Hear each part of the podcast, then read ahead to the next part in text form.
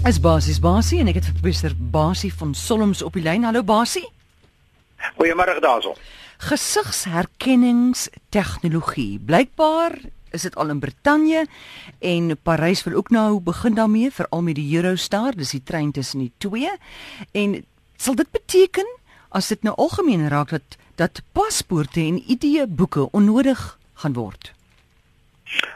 Um, kom ons kyk net 'n bietjie wat bedoel ons onder gesigsherkenning of elektroniese gesigsherkenning. Dit is maar net nog 'n vorm van wat ons van tevore al oor gesels het van biometriese herkenning.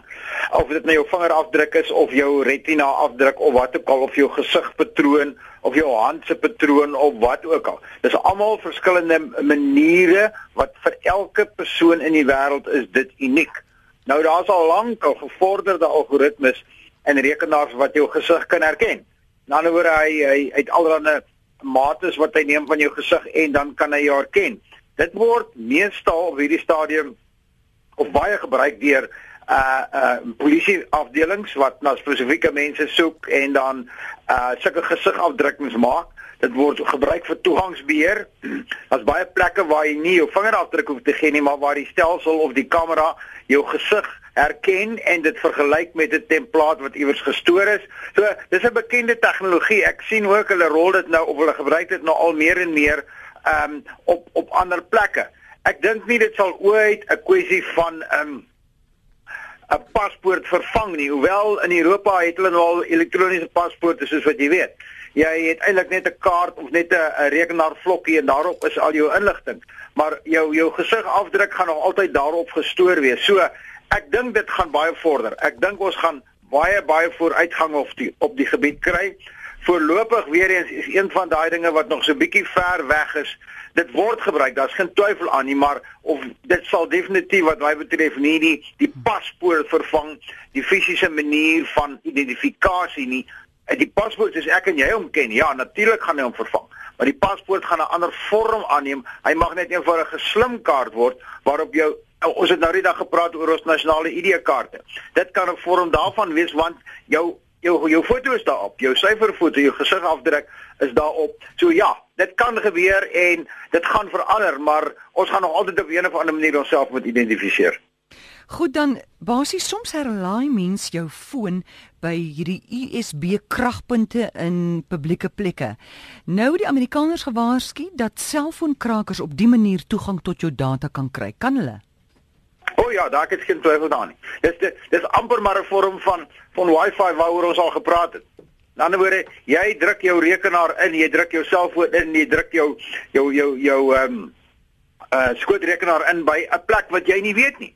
Jy jy jy weet jy weet nie wat daar agter is nie. Nou kan 'n mens amper paranoïes begin raak en sê kan ek nou nog my rekenaar laai by my eie kragblok van Eskom af. Nou Eskom gee baie keer vir ons krag uh, ons behoort nou nog uh jy weet veilig te wees daar. Maar hierdie openbare plekke, ek sou vir jou sê ek is 100% uh, daarteen. Hmm. Ek waarsku daarteen soos wat ek waarsku teen openbare Wi-Fi plekke.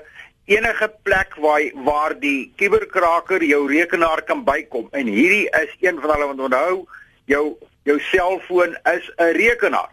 En as hy hom daar kan bykom, hy kan daai publieke laai plek kan hy eh, kan hy geïnfekteer hê. So jy jy vat jy, jy neem 'n risiko. Daar's geen twyfel daaraan nie. Vra weer vir jouself vir die vraag af, moet ek dit nie liewerste op 'n ordentlike plek by my huis doen of by my hotelkamer of waar ook al nie en nie gaan vir openbare plekke nie. Ek het 'n kleintjie dood aan openbare plekke wat vir my goed wil gee en wat die potensieel skep, die risiko skep van infeksie. Gevaarlik. Goed, ons praat nou net hier van 'n batterylaai, nie eers dat jy ingaan op die Wi-Fi nie, maar jy sien nog steeds is nee, gevaarlik. Nee, nee, nee, nee. Ja. Hier is net jou batterylaai, ja, absoluut. Ja. Maar maar jy prop hom in, mm. jou rekenaar, jou jou foon ja. is 'n rekenaar en dit kan jy daai as hy geïnfekteer is, kan hy daai ding aflaai op jou rekenaar. Daar's daaroor het ek geen probleem, het ek geen twyfel nie. Hoekom gaan slimfone deesdae as jy hom net in, jy weet aan insit om te laai, dan gaan hy van self aan. In die ou dae die fone mos afgebly. Ja, ek dink dis maar hierdie dis maar die tegnologie, die die, die meeste slimfone. Hy hy hy herken onmiddellik dat daar's krag en hy hy hy hy, hy skakel homself aan en hy wys vir jou waar jy staan. Dis alles ekstra fasiliteite wat op daai foon gelaai is en die vraag is jy weet is dit regtig nodig gebruik ek en jy dit maar dis maar net hmm. van daai funksies wat kom en hy sal vir jou bly wys hoe hy laai En dit is juist daai ding, die oomblik as jy hom inprop, gaan hy aan. As jy hom begin laai, dit Mm. beteken daai daai foon is aktief. Hy is gereed om enige programmatuur wat op een of ander manier by daai la- laaipunt gelaai is, geïnfekteer kan word uh om hom te infekteer. Ja. Goed, Basie, waaroor wil jy ons waarsku wanneer dit kom by kunsmatige intelligensie en is dit masjienleer of wat noem jy dit? Ja, Engelse praat van machine learning. Ek dink machine leer is nie so regte ding nie. Ek ek dink ons moet miskien maar praat van ehm um, rekenaar die vermoë van rekenaars om te leer. Goed. Nou, Ek, ek wil eintlik nie waarsku daarteen nie. Ek wil eintlik net so 'n bietjie agtergrond gee vir die luisteraars oor hierdie tipe ding. So kunsmatige intelligensie en ons ons lees baie daaroor en ons het baie daaroor geleer. Dis maar net die vermoë van rekenaars of om die vermoë om intelligente rekenaars te bou, rekenaars wat kan dink. En dan die vermoë van rekenaars om te leer. Met ander woorde om dinge te doen waarvoor jy hom nooit geprogrammeer het nie. Jy het nie vir hom gesê doen hierdie ding nie. Hy leer dit deur na ander data te kyk en op dië manier uh, brei hy sy vermoë uit om besluite te neem om en om dinge te doen. En dit is so vinnige idee van kunsmatige intelligensie en en uh, rekenaars wat kan leer. Nou, hierdie ding kom al lank al. Hier so 2, 3 jaar gelede het ouens so Stephen Hawking wat ons almal ken. Hy het gesê die skep van kunsmatige intelligensie, intelligensie kan of die beste of die slegste ding wees met die wat die, met, wat met die mensdom kan gebeur. Hy sê die skep van volle kunsmatige intelligensie, met ander woorde volle rekenaars wat kan leer, kan die einde van die mensdom beteken. Sjoe. Ehm ons weet en o, o, dit kan nie gebeur. Hy sê ons moet voorkom dat rekenaars slimmer word as mense. Nou die goed kom al 'n paar jaar lank. Maar wat nou gebeur het, wat nou hoekom ek hieroor wil praat, is ek dink ons ons luisteraars moet gaan kyk daarna. Daai het nou in Februarie het daar 'n groot konferensie plaasgevind en daar's 'n 'n dokument uitgevaardig. Dit staan bekend as die Asselmar beginsels van kunsmatige intelligensie.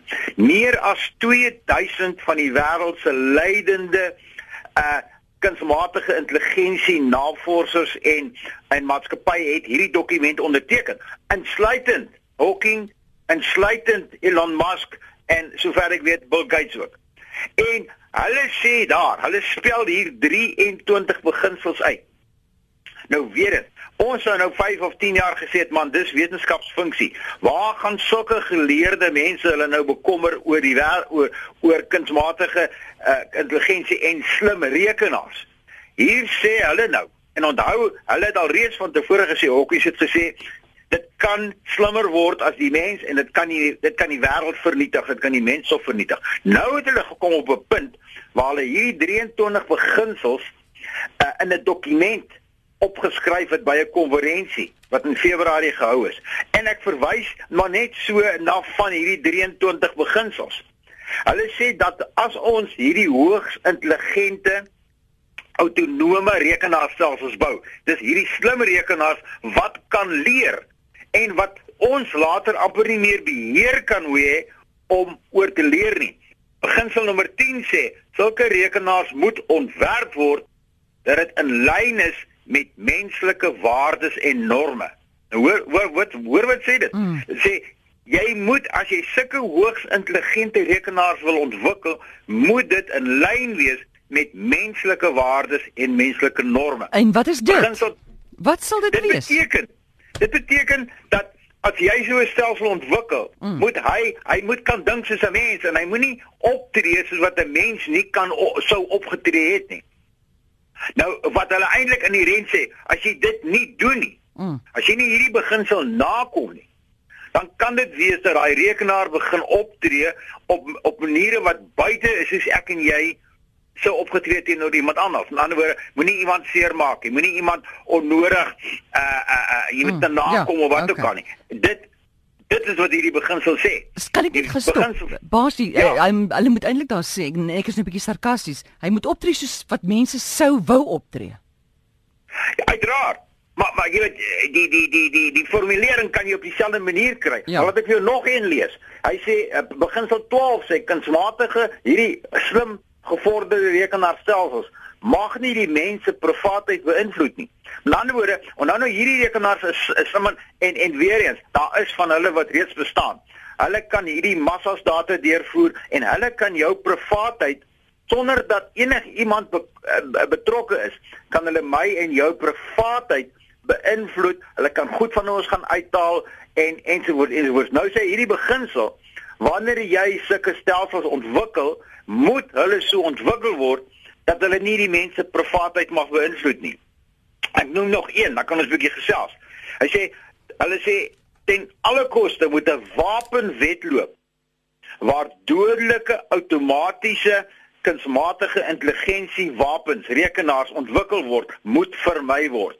Dan dit die kwessie van autonome uh, uh, wapenstelsels wat self besluit wanneer moet hulle iemand aanval, wie moet hulle aanval, waar moet hulle aanval.